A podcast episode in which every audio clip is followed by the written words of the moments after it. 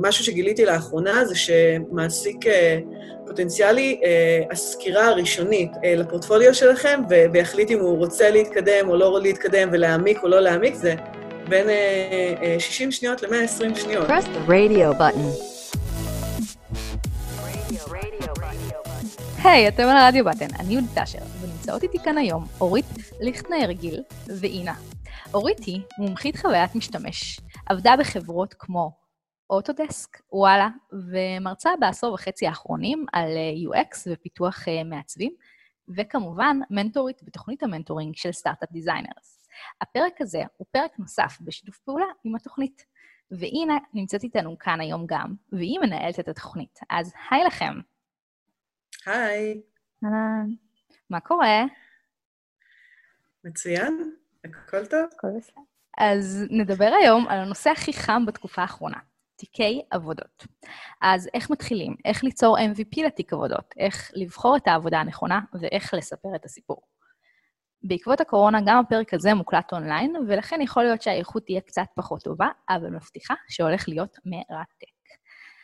אז אה, נספר שבאמת אה, העלינו פוסט גם לקבוצה, פייסבוק של Startup Designers, וגם אה, לקבוצת וואטסאפ של המנטורים של Startup Designers, וקיבלנו ככה הרבה מאוד תגובות. כיוון שאני לא יכולה לפנות לכל התלמידים שהיו אי פעם בתוכנית, והיה לי יותר קל לפנות למנטורים, והם אה, בעצם אלה שמדברים עם המעצבים, אה, אז היה מעניין לשמוע מהם במה הם נתקלים. Uh, הרבה דובר על uh, הדילמה של uh, איזה פרויקטים להכניס, אה, מה באמת יקדם אותנו ומה לא. אה, מדברים הרבה על בכלל מאיפה להתחיל. הם, אה, מי שבעצם רק מתחיל פעם ראשונה לבנות את תיק עבודות, מתחיל בעצם ממקום מאוד ריק, ו, ופרויקט מאוד עצום, וצריך לחלק את זה למשימות, וזה מאוד קשה. וכמובן, שואלים על הכתיבה, מאוד מתקשים אה, לכתוב על העיצוב של עצמם, מאוד קשים, מתקשים להסביר את העיצוב שהם עשו. ולסיום, איך לסיים את התיק. איך יודעים שסיימת, איך יודעים שזה מספיק טוב, ואני מאמינה שאת uh, תגיעי בכל הנקודות הכואבות האלה בהמשך. אין, אין לזה באמת סוף לתיק עבודות. זאת אומרת, uh, תיק עבודות הוא כמו כל פרויקט שאנחנו עושים, והוא יכול תמיד להמשיך ולהתפתח. הרעיון הוא להגיע לאיזשהו MVP שאנחנו מרגישים שיכול לייצג אותנו, ואז בזמננו החופשי, שבטח אין לנו, אבל לנסות למצוא זמן באמת להשביח אותו uh, כל הזמן. אתם תדעו כשהפורטפוליו שלכם גמור, כשתתקבלו לעבודה שביקשתם או שרציתם להתקבל אליה, uh, ואז כנראה באופן טבעי, גם לא סיימתם אותו לגמרי, uh, תזנחו אותו להנחות עד ש... תשקלו אולי שוב מחדש. כמובן שזה לא מצב אידיאלי, אנחנו רוצים שהוא יהיה מתוחזק, וזה נורא קשה לתחזק אותו עם, אה, כמו המצב הנוכחי שלי, למשל, חמש שנים לא תחזקתי אותו, אה, אז זה הרבה יותר קשה, אבל לרוב זה מה שקורה, וזה בסדר, זה טבעי, זה חלק מהתהליך. אה, גם כן. מגניב. אז אה, בואו נחזור כזה להתחלה, כי התחלנו מהסוף. איך בכלל אה, מתחילים, למה אולי, אולי נתחיל בשאלה בכלל, למה להתחיל לעבוד על תיק עבודות? למה להפוך את החיים שלנו לכאלה מרים ומדוקים, כשאנחנו כל יום מתבאסים על זה שעדיין לא הצלחנו לסיים את הסיוט הזה? כן, זה באמת, אה, זה באמת אתגר מאוד מאוד קשה למעצבים. אה, מעצבים הרבה פעמים רואים את השיקוף שלהם אה, מאוד חזק, זה, זה מקום שמאוד נוגע לנו באגו, זה, זה עוד פרויקט שאנחנו עושים אותו, לצד שאר הפרויקטים שעשינו, אבל הוא מגיע איתו עם כל מיני בעיות. אבל קודם כל, אם נתחיל מהסיבה, הסיבה ללמה אנחנו צריכים אותו זה, זה פשוט הדבר הכי הכי חשוב שיכול להיות למעצבים. זה הפרצוף שלנו, זה הדבר, הדבר הראשון שאנחנו יכולים למעשה להגיד על עצמנו מעבר לפרטים הטכניים, אה, או, או קצת לא טכניים, שנפרוס אה, אה, בקורות החיים. הרבה פעמים, אני יכולה להגיד לכם, אני סקרתי וסרקתי מאות קורות חיים ופורטפוליואים. יש נטייה מאוד חזקה, לפעמים אפילו כשמדובר באיש קריאייטיב שבודק אותם, אה, לפעמים מדלגים אה, על קורות החיים עד שבודקים את הפורטפוליו קודם, כי גם הכל נורא מרשים בקורות, בקורות חיים, אה, ואז אנחנו מגיעים לתיק עבודות ורואים את התכלס, את הבשר, אה, וממנה אנחנו לא מרוצים, אנחנו לא נמשיך הלאה. אז הרבה פעמים קודם כל עושים ולידציה של התיק עבודות, ואז חוזרים רק אה, לקורות חיים, ואז אז זה על אחת כמה וכמה חשוב שהוא באמת ייצג אותנו בצורה הכי נכונה. נכונה לנו, והנכון הזה הוא נורא משתנה. אני ממש מסכימה עם מה שאת אומרת, כי בהחלט זה תיק עבודות טוב שווה זהב. הוא בסופו של דבר יכול לאפשר לנו למצוא עבודה שתכניס לנו יותר כסף כל חודש. אז גם אם נגיד השקענו אפילו אולי אה, קצת כסף, לקחנו איזשהו מישהו שייעץ לנו משהו, אז העלות תחזיר את עצמה פי כמה אם מחשבים את זה למשך אה, שנים, אה, וזה בהחלט אחד הדברים ששווים את ההשקעה, אבל אין מה לומר, זה סיוט מתמשך. זה מאוד מאוד, אה, זה מאוד קשה. זה... אה, אני רוצה לדבר רגע על כמה בעיות שאני ליוויתי הרבה מעצבים בדרך לפורטפוליו שלהם במהלך השנים, באמת המון. אני, כמו שציינת בהתחלה, אני מרצה כבר 15 שנים, או 14 שנים, והכשרתי משהו כמו מעל 6,000 אה, מעצבים, והרבה מהם היו באמת בדרך החוצה לשוק. זאת אומרת, היה, אלה היו השלבים, בין אם הם אה, למדו עיצוב בפעם הראשונה, או בשלבים יותר מאוחרים, כשלימדתי קורסים אה, אה, של UX, שהם עושים הרבה פעמים את הטרנזישן הזה ממעצב גרפי למעצב, אה, למעצב אה, UX או UX-UI. אה, אז נתקלתי בהמון המון מצבים של סטודנטים שהם נתקעים, והם, והם הרבה פעמים נתקעים באותן מקומות. אז אולי נעבור עליהם קצת, קודם כל כדי להרגיע את המאזינים שהם לא לבד, וננסה פשוט to tackle uh, each and every one of them.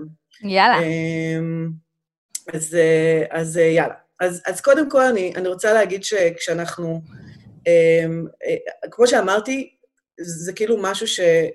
ככל שהוא יחלחל יותר טוב, הוא מאוד יעזור לנו במסע הזה של להרים פורטפוליו. הפורטפוליו הוא עוד פרויקט שאתם עושים. וכמו שאתם עושים פרויקטי UX והם מתייחסים אליהם באותה מידה של רצינות ולשלבי התהליך uh, שאתם צריכים לעבור, גם כאן אי אפשר לקפוץ ישר לפתרון, יש תהליך שצריך לעבור.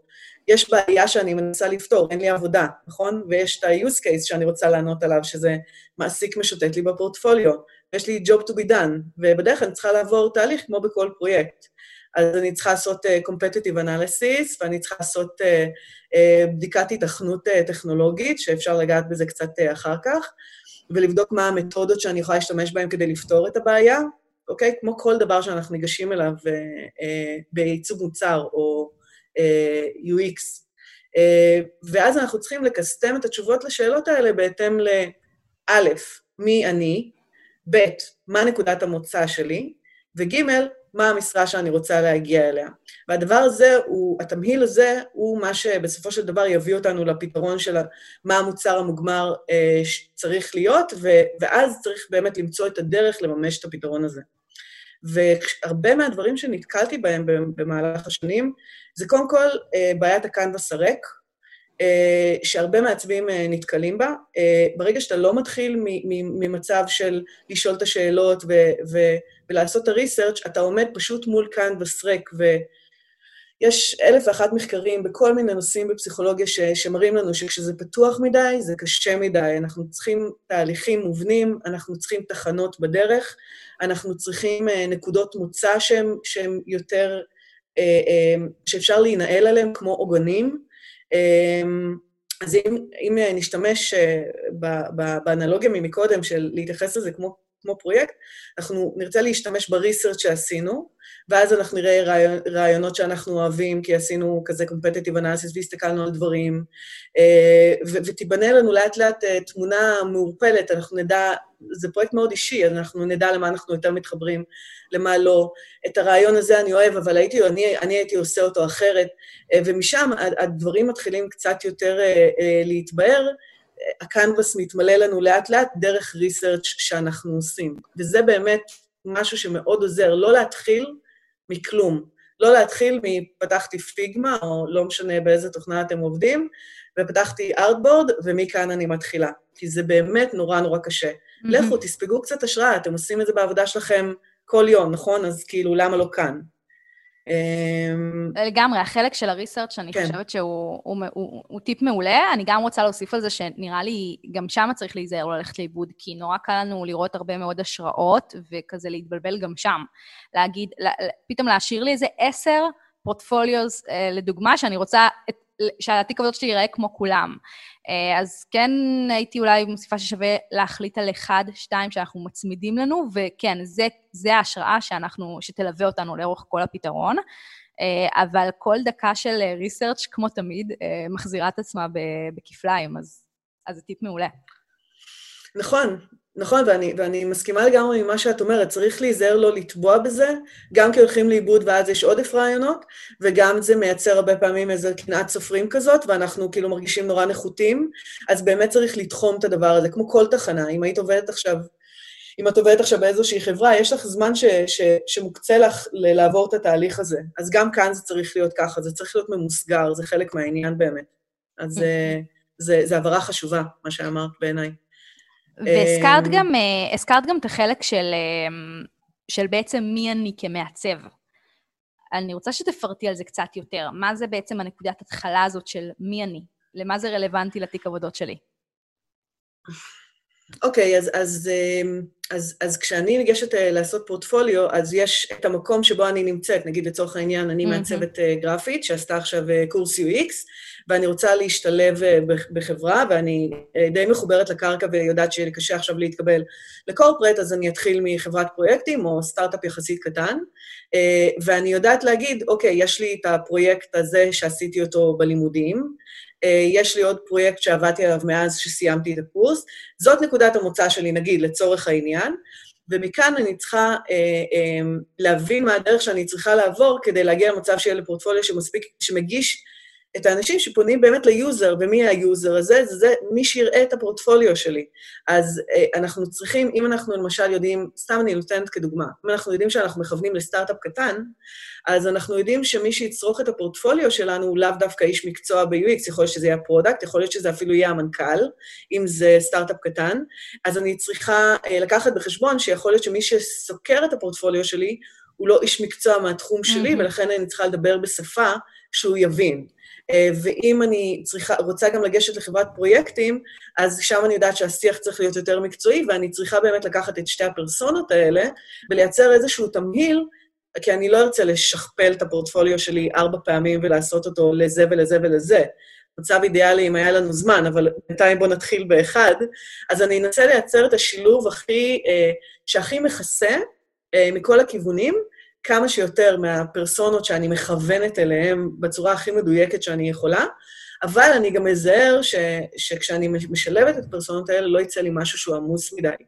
אה, משהו שגיליתי לאחרונה זה שמעסיק אה, פוטנציאלי, אה, הסקירה הראשונית, הראשונית של הכן ולא הראשוני הזה שהוא יעשה לפורטפוליו שלכם, ויחליט אם הוא רוצה להתקדם או לא להתקדם ולהעמיק או לא להעמיק, זה בין 60 שניות ל-120 שניות, זה שתי דקות.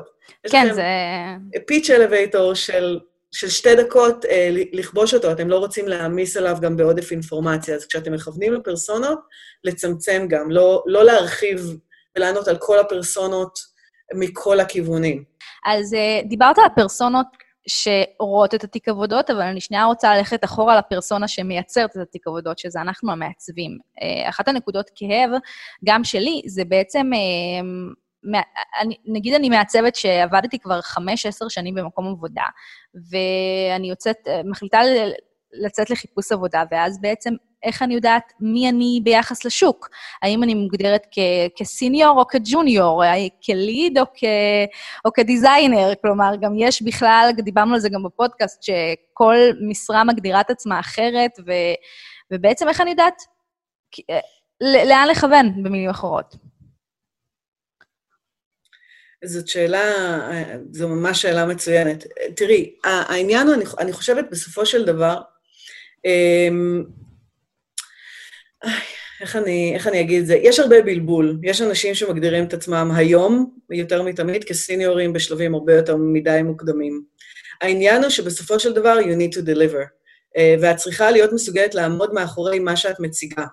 אם יהיה פער מאוד גדול בין איך שאת מגדירה את עצמך לבין איך שהעבודות שלך אה, נראות, ובין הניסיון שבפועל צברת ואת ממחישה אותו באמצעות העבודות, אמ, אז אף אחד לא יקנה את זה, להפך, זה יעשה לך יותר נזק מתועלת.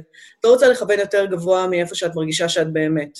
את רוצה להיות הכי אותנטית והכי מדויקת למקום שאת נמצאת בו, אה, לא להקטין את עצמך כמובן, אבל בטח לא לנפח את עצמך, אה, כי בסופו של דבר הדברים האלה משתקפים. Mm-hmm. אני יכולה להגיד לך שאני מכירה אה, מעצבות שהן תותחיות על חלל, שאני אומרת, כאילו, אני פשוט לא מאמינה שהן פחות משנה בשוק. אני פשוט לא מאמינה. זה עקומת למידה אקספוננציאלית ש, שאני... אני, אני עד היום מגלה אותם, ואני כל פעם בהלם מחדש, ואני אומרת, הבן אדם הזה, תוך זמן יחסית קצר, זאת אומרת, אם מודדים את uh, טווח הזמן, אם יהיה לה קצת עוד ניסיון בשוק, היא, היא תוכל לגמרי להגדיר את עצמה כמיד-לבל נורא מהר. ויש כאלה שעוברים את התהליכים שלהם יותר לאט, אז, אז אני חושבת שזה נכון שהרבה פעמים אנחנו תוחמים את זה בזמן, את יודעת, בין שנתיים אה, לחמש זה מיד-לבל, עד שנתיים זה ג'וניור, מחמש אה, עד עשר זה סיניור, אבל הרבה פעמים זה גם מאוד מגולם בתהליכים שאנחנו עוברים עם עצמנו. אה, והסוג משרות שהיו לנו, יכול להיות שנפלנו על משרות מדהימות, שפיתחו אותנו מאוד, ועשינו איזו עקומת למידה מאוד מאוד תלולה, ויכול להיות ש... שלא. וזה בסדר, זה רק צריך להיות מסוגל לעמוד מאחורי זה, כי המעסיק הפוטנציאלי שלכם יעלה על זה מאוד מהר. Mm-hmm. אנשים שבדרך כלל מגדירים את עצמם עם, אה, עם תואר שהוא יותר ממה שמגיע להם, זה כי הם רוצים שכר גבוה יותר, ואני מבינה את הרצון הזה, אבל אם, אם אתם רוצים שכר גבוה יותר ולא תתקבלו בזכות העבודות שלכם, אז uh, לא, לא עשיתם בזה שום דבר. לא הגעתם לשכר הזה בכל מקרה. אני חושבת שגם עוד בעיה שנוצרת אה, זה שלפעמים יש תיקי עבודות שהם יותר מדי טובים ביחס לניסיון שיש מאחוריה וביחס באמת לפרסונה שעומדת מאחוריה. כי בסוף תיק עבודות זה משהו שאני יכולה עכשיו להחליט שאני שנה עובדת על תיק עבודות ואני אהיה מעצבת אה, ג'וניורית, והתיק עבודות שלי יהיה הרבה יותר טוב ממישהי שעבדה שבוע על התיק עבודות והיא מעצבת... אה...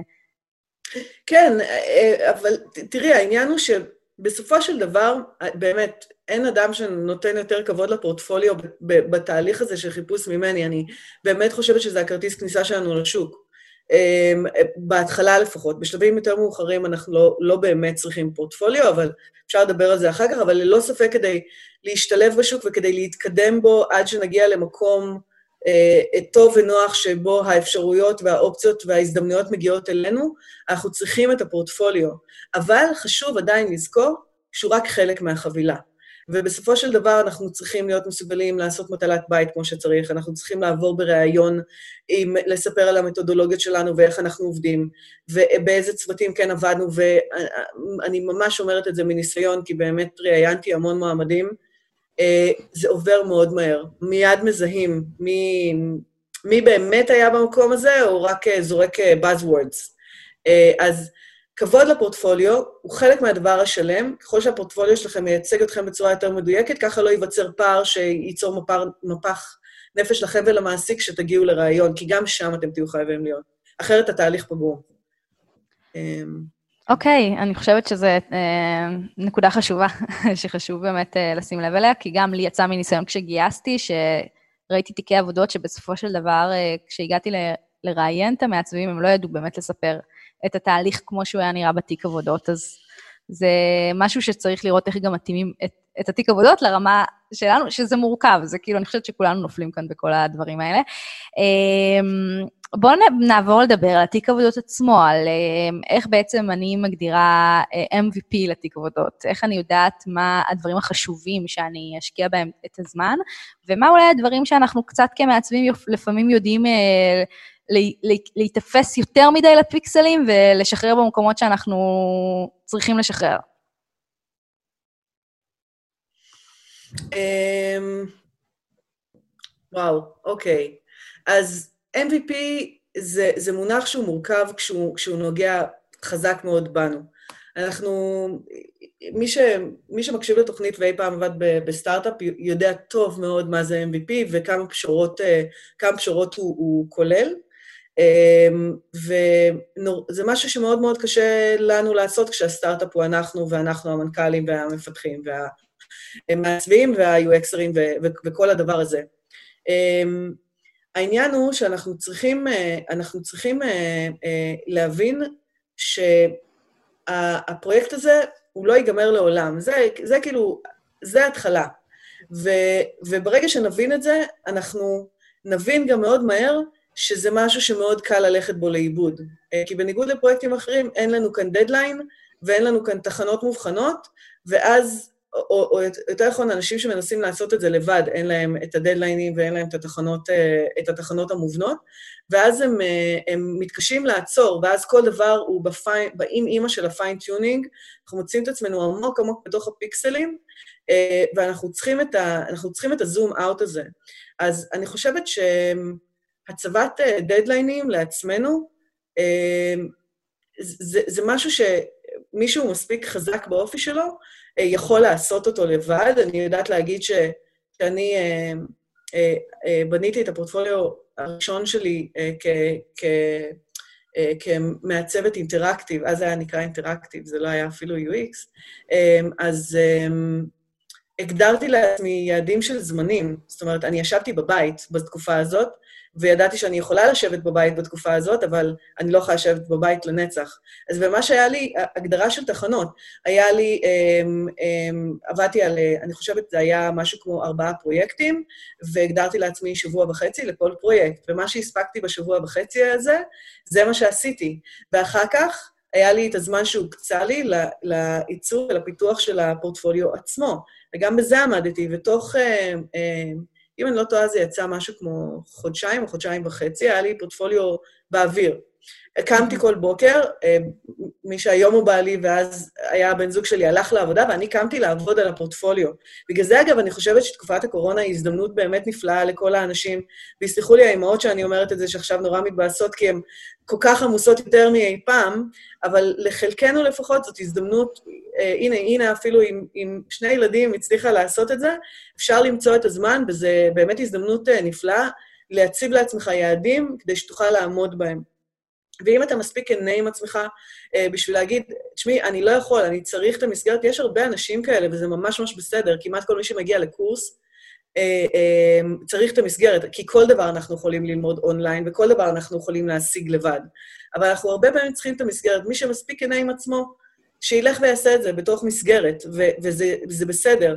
העיקר להציב את, ה- את התחנות והיעדים ופשוט לעמוד בהם. ובקטע הזה אני חושבת שהתוכנית mentoring, אינה, היא באמת, אה, באמת שאפו, זו תוכנית מדהימה, כי היא, היא, היא מכניסה עוד זוג עיניים אה, שמסתכלות לי על הפרויקט, אה, ו- ואני צריכה לתת דין וחשבון לבן אדם, כי הוא מקדיש את עצמו והוא עושה את זה בהתנדבות, וזה גורם לי לייצר תחנות, כי אני צריך בסוף, כאילו, קבעתי, קבעתי שיחה עם אינה, אני עכשיו, אני, אני צריך עוד, עוד שבוע לדבר איתה ולהציג את הפרויקט הזה, אז אני חושבת שזה כבר, כבר עושה הרבה לאנשים שמרוויחים מהתוכנית הזאת. תודה רבה על זה. אה, ובאמת, אה, זה נכון גם אה, לדבר על זה ש... זה נכון שיש מישהו שבא ו- וזוג עיניים ועוזר לך לחלק ונותן לך בעצם את הפידבק, אבל את בעצם מדגישה כאן כמה עבודה יש ל, אה, למעשים עצמם שבונים את התיק עבודות. שזה לא קסם, וזה שיש לך מנטור שמלווה אותך, הוא לא יעשה בשבילך את התיק העבודות, אה, וזה שאתה נכנס לתוכנית של המנטורינג, זה לא מבטיח לך אה, שום דבר, כי זה בעצם רק נותן לך באמת, כמו שאת אומרת, מסגרת של התחייבות לעצמך, לעבודה קשה עם עצמך שאתה צריך לעשות. אנשים פשוט לפעמים גם אה, נעלמים אחרי שיחה ראשונה עם מנטורים, כי הם מבינים את כמות העבודה שהם בעצמם צריכים לעשות. אז כשאתם נרשמים לתוכנית, תבואו עם אה, מוכנות ונכונות עכשיו, אני משקיע, זה הזמן לעשות את זה. אינה, אה, יש גם עוד נקודה, האמת, שהיא קשורה לחלק הזה של המנטורים, שגם בסוף אין באמת, את עושה את ההשתדלות להתאים לכל מנטי את המנטור המתאים, אבל לא תמיד באמת אפשר להצליח להתאים ב-100%, ואני חושבת שגם כאן יש את האחריות של המנטים, אמ, אה, לבדוק ולעשות את התיאום עם עצמם, להבין שבאמת אה, מי שמולם, הם חושבים שהוא יוכל להוביל אותם למקום שהם מכוונים אליו, כי זה גם מאוד אישי לנו. אז אה, אני חושבת שאולי גם שווה לשים על זה כזה דגש. נכון, תשמעי, אנחנו גם בתחום כזה, אתה מציג עבודה שלך ויכול לקבל פידבקים סותרים. וחלק הסכימו עם מה שעשית וחלק לא, ולכל אחד יהיה את הטיעונים שלו. אה, כל אחד בא עם הרקע שלו, אני באמת עושה את המקסימום אה, לעשות איזושהי התאמה מוצלחת ולהתאים אה, להתאים את הבן, לתלמיד את הבן אדם שיותר קרוב לתחום שבו הוא רוצה להיות.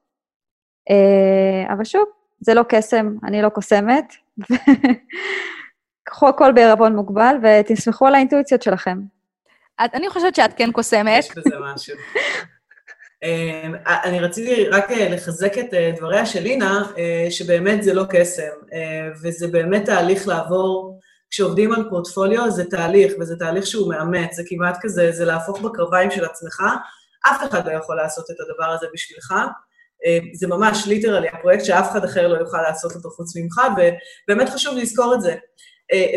ואפשר להיעזר בכלים חיצוניים, בעיקר בשביל לייצר לעצמנו מסגרת, וכדי לקבל עוד זוג עיניים ועוד חוות דעת, ו-the more the, the, the better, ולהעלות את הפרויקטים שלך גם לקבוצות ולקבל משם feedback־ים, ולשאול את החברים המעצבים שלך, אה, או לעשות אה, כזה challenge עם אה, חברה שמקצים זמנים לעבודה על הפורטפוליו, יש כל כך הרבה כלים שאנחנו יכולים להשתמש פשוט כדי למסגר את זה, והתוכנית מנטורים עוזרת למסגר את זה באזור של באמת לעבוד, לעבוד, על, לעבוד על פרויקטים בתיק עבודות, או אולי, לא יודעת, אולי יש חלק ש, שעושים גם עוד דברים, אה, אבל התוכנית מנטורינג ספציפית לפורטפוליו, בזה היא עוסקת, וזה באמת, אה, אה, זה באמת עוזר למסגר, אני חושבת, זה, זה לפחות מהחוויה שלי מלהיות מנטורית. אני רוצה לגעת, אורית, בעוד נושא כאוב שגם שלי אישית וגם של תלמידים בתוכנית, זה לספר את הסיפור שלנו, לספר את הסיפור של העבודה שעשינו, אה, לכתוב על כל פרויקט, להסביר תהליכים, להיזכר בתהליכים שלפעמים אני, עשינו לפני שלוש-ארבע שנים, אה, אולי קצת לפברק תהליכים, אני לא יודעת. אה, איך עושים את זה נכון? ועוד באנגלית. כן, אנגלית... אה, אנגלית, אה, אנגלית זה יכול להיות אתגר לחלק מהאנשים שלא לא צורכים את זה הרבה ולא עובדים בקורפרטים או בסטארט-אפים, ששם כאילו, כזה, חיים באיזה מקום כזה שכולם מדברים בו באנגלית, או מתכתבים בו באנגלית, אז זה יכול להיות באמת אתגר הקטע של האנגלית. Uh, אני חושבת שבקטע uh, הזה, אם, אם מרגישים ככה, אז אפשר uh, באמת להיעזר באיש מקצוע לזה ולשלם לו באהבה, כי הוא יכול לעשות הרבה הבדל באיך שאנחנו מציגים את עצמנו. אבל את, את העלית כאן עניין שבאמת מאוד חשוב לדבר עליו, וזה באמת לספר את הסיפור. כש, כשאנחנו מציגים פרויקט בתיק עבודות, אנחנו, יש לנו, אוקיי, אם אני ניגשת לפרויקט אה, ש, שכבר אה, כבר בניתי אותו, כבר עבדתי עליו בחברה שנגיד עבדתי בה עד עכשיו, אז אם מקודם דיברתי על בעיית הקנבס הריק, אז כאן יש לנו בעיה אחרת, שזה בעיית הקנבס המפוצץ בפרויקט שכבר עשיתי, כן? אז, אה, אז במצב כזה, כמו שכ-UXרית אני יודעת לא לייצר עומס קוגנטיבי במוצר שלי, אני צריכה לממש את זה גם במוצר הזה. כמו שאמרנו, לזכור שהבן אדם שיעבור על הפורטפוליו שלי, יהיה לו זמן מאוד מוקצב לעשות את זה, בין אם כי מכריחים אותו או כי זה ה-attention span שלו, אמ, ו- ואני חייבת להתחשב בזה. מצד שני, אה, אני חושבת שיש אתגר מיוחד ב- בלעשות פורטפוליו למעצב אה, UX/product, אה, אמ, מכיוון שאנחנו כן רוצים גם מצד שני לדבר ולפרט על התהליכים שעבר. ובקטע הזה אני רוצה לתת שני טיפים. קודם כל, תעשו, תשתמשו בהיררכיה. זאת אומרת, כשאתם מתארים תהליכים שאתם, שעשיתם, תשתמשו בהיררכיה, נגיד, בכל מה שקשור למלל, צריך לזכור שאתם הרבה פעמים, כאילו, ה-visuals מאוד מאוד ימשכו את העין, וזה זה בסדר גמור, וככה זה צריך להיות. הטקסטים צריכים להיות מאוד קצרים וקולעים. אני צריכה שיהיה לי, נגיד, לצורך העניין, משפט שבו אני מגדירה את הדבר הזה שעכשיו אתם מסתכלים עליו, ואיך הוא מתחבר לסיפור שאני מנסה לספר לכם ככה מאוד בקלילות ובנעימות. אבל גם לעשות טקסט נגיד מוחלש, או טקסט מוסתר שאני יכולה ללחוץ על פלוס כדי לקרוא אותו, או לא משנה באיזה דרך אתם בוחרים להגיש את זה, אה, כדי שאם אם בשלב המעמיק יותר, אם אני אגיע לשלב שהמעסיק שלי ירצה להעמיק, יהיה לו איך לצרוך את התוכן הזה. אז זה טיפ ראשון, להשתמש בהיררכיה, גם בכל מה שקשור בטקסטים, לא לזרוק על הקנבס דברים uh, שאף אחד לא יוכל להבין מהם שום דבר, כמו ערימות של wireframe־ים, אבל שאין בהם שום תוכן שאפשר להסיק ממנו רק כדי להראות שאני יודע לעבוד עם עיפרון ונייר, זה קצת לעוס, צריך, זה, זה, זה נחמד, זה טוב, אבל במינון, עוד פעם, ב-touch־ים. והטיפ השני שרציתי לתת, זה שזה משהו שנכנס uh, לטרנד בזמן האחרון, uh, לתיקי עבודות, הוא עולה יותר ויותר בשיח, והוא מאוד מאוד רלוונטי לסוג המעצבים uh, uh, שהם uh, עוד פעם UX ו-product, um, וזה הולך ככה. כשאנחנו מציגים את הפרויקט, הפרויקט הוא לא תחליף לשיחה שאנחנו נעשה. כל מה שאנחנו רוצים זה שמי שיסרוק את הפרויקט, זה לעבור בדלת, להיכנס לריאיון הטלפוני או לריאיון הפיזי, נכון? זה, זה כאילו מצד אחד. מצד שני, אנחנו הרבה פעמים נאבקים לספר סיפורים מאוד מאוד מורכבים, וכל אחד נתקל בזה, כל אחד שהוא, שהוא מתעסק בתחום נתקל בזה, שזה נורא קשה לתמצת. ואני חושבת שאחד מהטרנדים החזקים שנכנסים עכשיו, ואני חושבת שהם יכולים לעשות אחלה עבודה, אה, זה וידאוים. אה, לשים בראש העמוד אה, וידאו של עצמך מסביר על הפרויקט. ואחר כך, זה מוריד, זה מוריד משהו בעומס הפסיכולוגי של להצליח לספר את הסיפור בצורה מדויקת אחר כך. כי ברגע שיש לי וידאו, שמי שרוצה יכול לקבל, כמובן לא וידאו של חצי שעה, חס וחלילה, כן? אבל וידאו של נגיד חמש דקות, שבו אני עובר על הפרויקט, אני אולי מציג איזה מצגת, אולי אני פשוט עובר על הפרוטוטייפ, אני מדבר על מה שעשיתי שם, אמ, ו- וזה כאילו מייצג לי את שלב העמקה בפרויקט, ואז מה שאני, הסיפור שאני צריכה לספר ב-image־ים ובטקסטים אחר כך, הוא ברמה, ב-level היותר שטחי.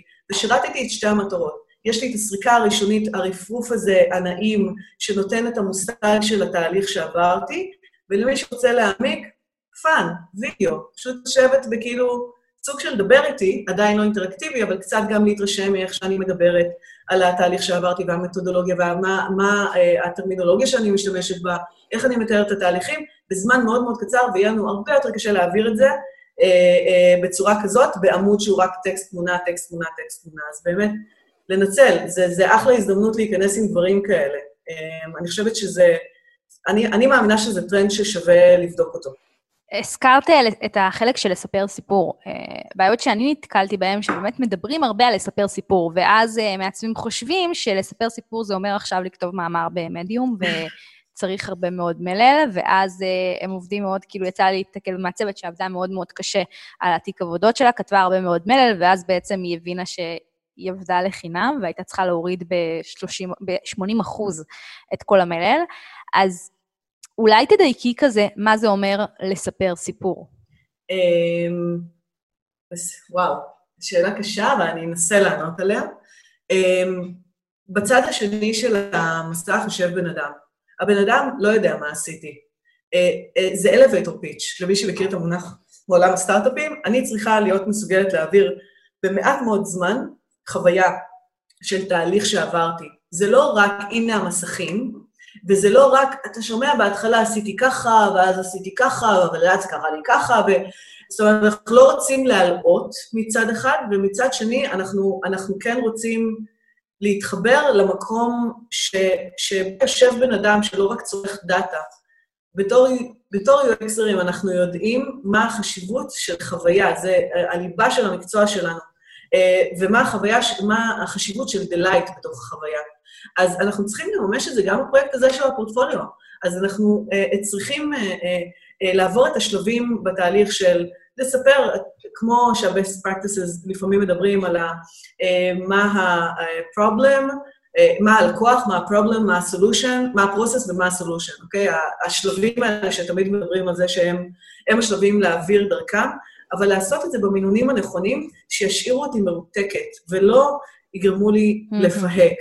לא כי אתה עשית עבודה גרועה, פשוט כי לא מעניין לצלול לכל הדיטלס. בשביל זה יש לנו פגישה, אנחנו נשב, אנחנו נעבור, נבחר, אתה תבחר פרויקט, או שאני אבחר פרויקט בשבילך, ואנחנו נדבר עליו, ואתה תספר לי על הדברים האלה, ובחמש דקות אתה תעביר לי משהו שיהיה לי הרבה יותר קשה לספוג אותו בסריקה שלנו. וזה, וזה השאלה שכל הזמן צריכה לרוץ לנו בראש. של כשהבן אדם סוקר את העמוד בקלילות יחסית, ולא כאילו חופר אליו, מה הוא מבין, מה הוא קולט, איך ה-i-flow שלו זורם, אה, מה קופץ לו, אה, מה הוא מבין, אה, איפה הנקודות שאני רוצה להדגיש, כאילו כאן היה לי איזה שיחוק, ולא להתבייש, להטות את הכף אליהם ולדבר אותם, להדגיש כמו, כמו בסיפור שאנחנו מספרים, כל סיפור שאנחנו מספרים שהוא מעניין ומרתק אותנו, לספר את התהליך שעברנו, לא בצורה טכנית, אלא באמת בצורה שתחבר את מי שרואה אותה. אה, מה שאולי אם אני אנסה להכניס לזה איזושהי נוסחה, נוסחה שאני כרגע אה, ממציאה, זה נראה לי אה, מתחיל באיזושהי כותרת מאוד היי-לבל, ואז יורד למשפט, שורה, לא יותר, לפעמים זה גם יכול להיות שורה, שהיא כבר פתאום הופכת להיות נגיד משהו כזה באמצע, ו- ובמקום שבו אנחנו צריכים להסביר, כמו לילד בן חמש, זה ב-visual. כלומר, כשאני מגיעה להציג את, ה, את החלק במסך, אני ממש, יש שם כפתור של פילטר, וכן, אני רושמת ליד, זה מפלטר לי ככה וככה, ולנו כמעצבי product זה נשמע מטומטם, אבל זה בדיוק מה שאנחנו צריכים לעשות בתיק עבודות שלנו, זה איכשהו השילוב הזה בין לרדת ממש לדיטיילס לבין היי-לבל של הטקסט. זה, לא יודעת, אה, אורית, את מסכימה עם הנוסחה שכרגע... אני לא חושבת שיכולת אה, לדייק את זה יותר, זה באמת ממש נכון.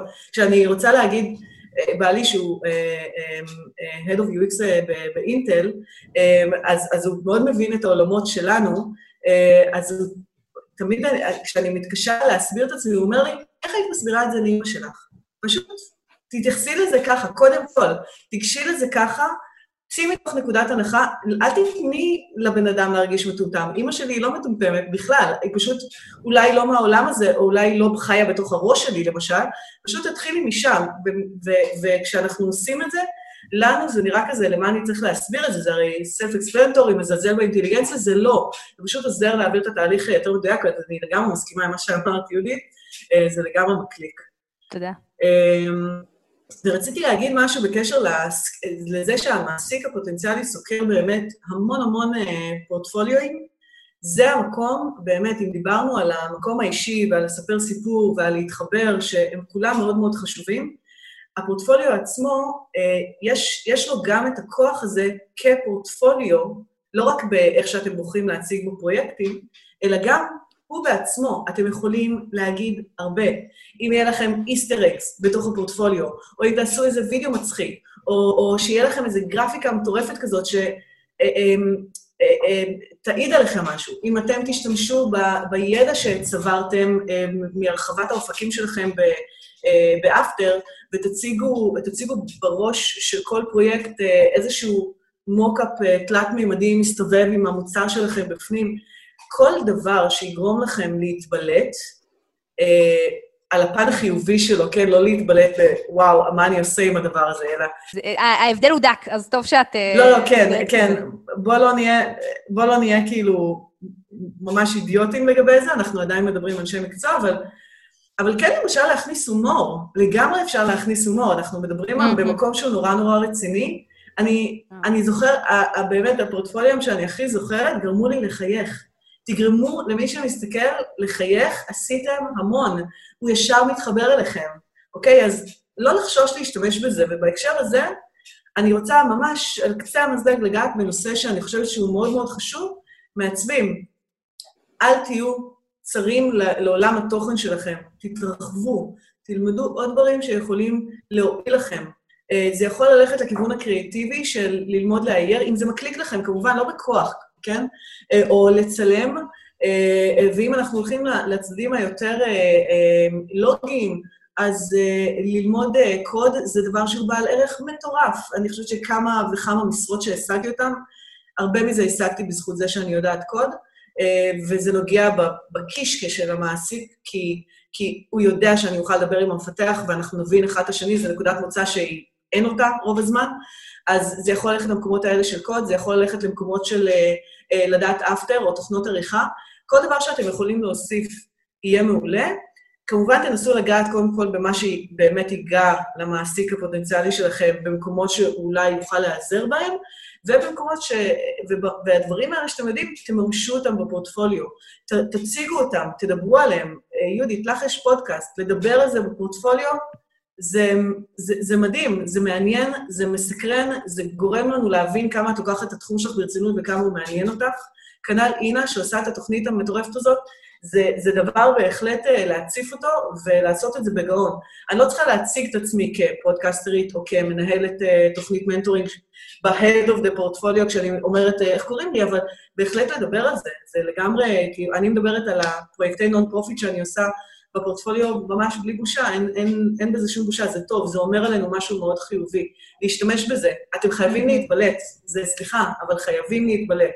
כי בין 30 פורטפוליואים שהוא יראה כשהוא מחפש את העובד הזה, אתם צריכים שיהיה לכם משהו שירים אתכם מעל, מעל כולם. וזאת אחת הדרכים לעשות את זה בצורה mm-hmm. מאוד טבעית.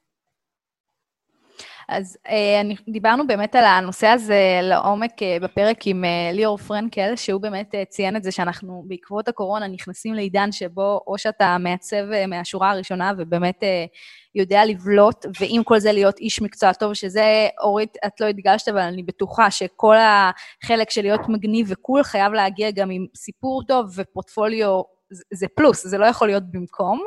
ברור. אמ, ובפרק עם ליאור פרנקל באמת, אה, באמת אה, דיברנו על כל מה ש...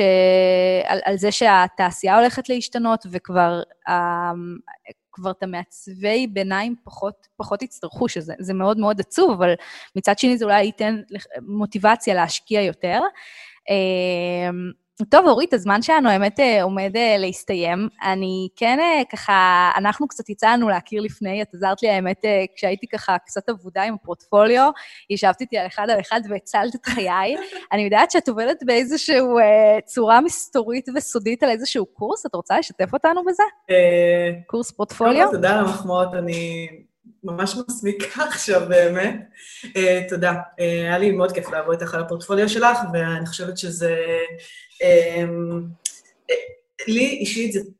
אני מלמדת המון שנים, ואני עושה את זה, הר, הרבה מזה זה בשביל, בשביל הנשמה. אני uh, גם מרוויחה מזה, אבל אני...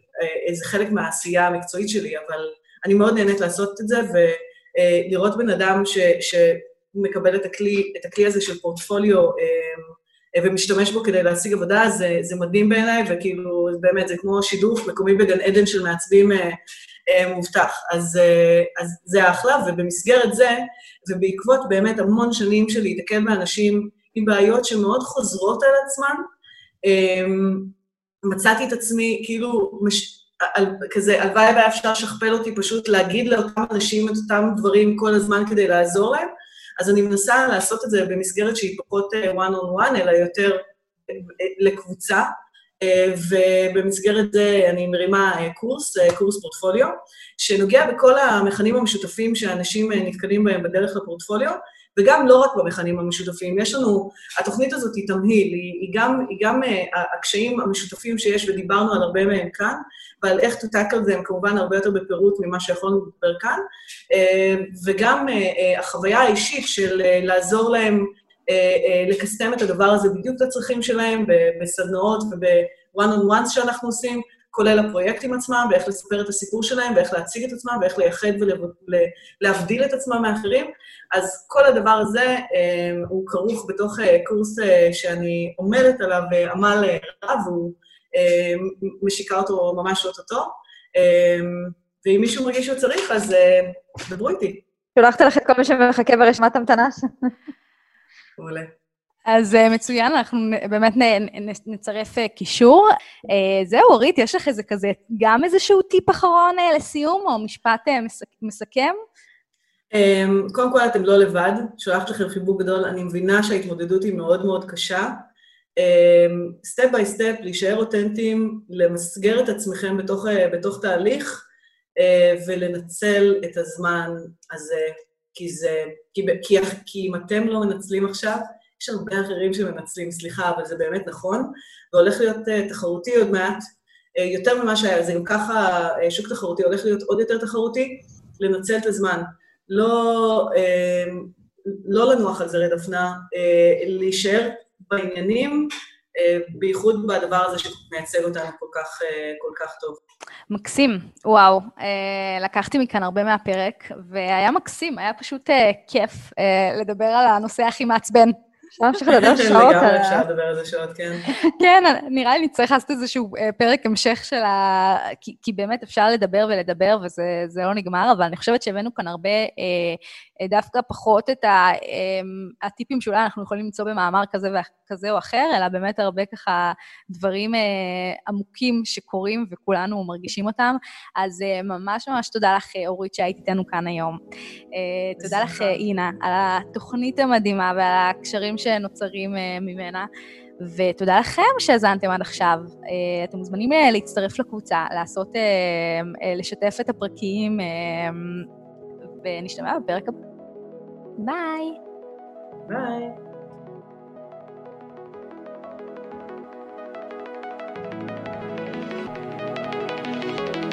Press the radio button.